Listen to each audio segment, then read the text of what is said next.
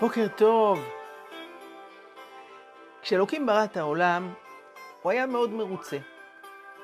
על כל מה שהוא ראה, הוא אמר, טוב, טוב מאוד. חוץ מדבר אחד. מה לא היה טוב בכל העולם המדהים הזה? לא טוב היות האדם לבדו. כי להיות לבד זה לא טוב. על מצורע כתוב, בדד ישב מחוץ למחנה.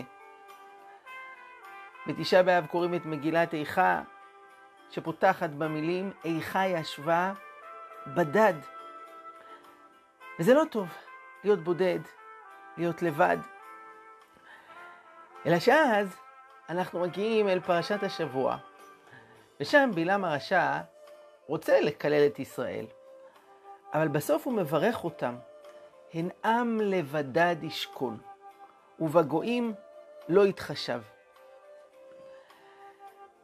איזו מין ברכה זו? להיות בדד?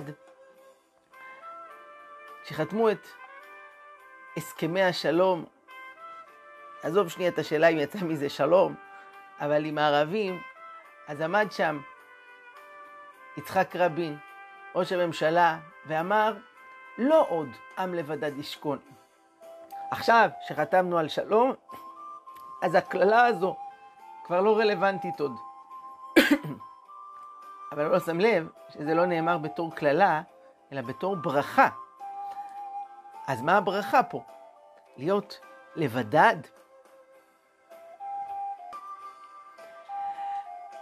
האמת היא שבאלפיים השנים האחרונות, עם ישראל היה מפוזר בין הגויים, והוא כל הזמן עמד בדילמה הזו, כמה להתערבב, להיטמע, להתחבר עם הגויים שסביבו, וכמה להיות בדד, נפרד מהם. הייתה כלפינו אנטישמיות מאוד גדולה. שנאו אותנו, הציקו לנו, ועלתה גם מחשבה שאולי אם נתבולל ונתערבב ונהיה כמותם, אז תיפסק האנטישמיות. אבל ניסח את זה יפה הרב יונתן זקס.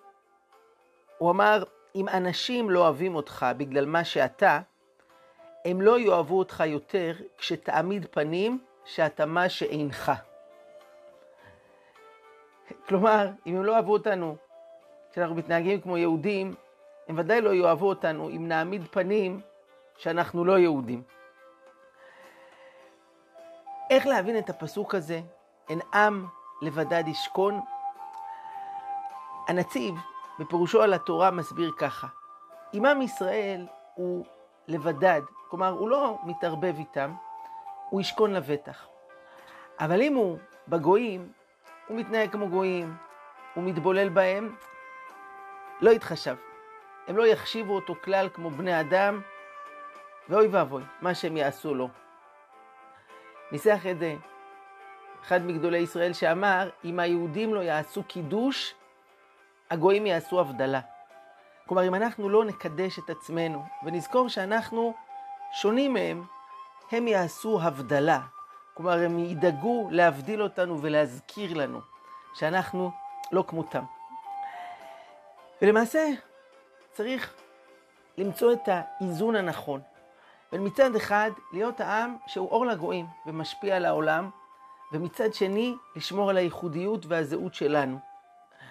וכל זה נכון, דרך אגב, גם לגבי כל אדם פרטי, אדם מאמין שנמצא בסביבה שונה ממנו.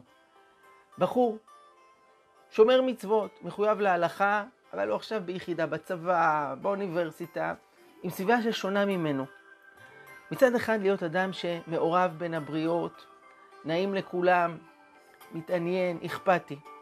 מצד שני, לא לאבד את הזהות שלו, את האמונה שלו, את הערכים שלו. בסופו של דבר, החברה והעולם מעריכים הרבה יותר אדם שנאמן לעצמו ויודע לשכון בדד, מאשר מי שנסחף עם הזרם. שוב, הניסוח היפהפה של הרב זקס, שאמר, הגויים מכבדים יהודים שמכבדים את יהדותם, והם מובכים מיהודים שמתביישים בדרכם. הן עם לבדד ישכון, ואז גם הגויים ידעו לכבד ולהוקיר אותם. בוקר טוב ושבת שלום.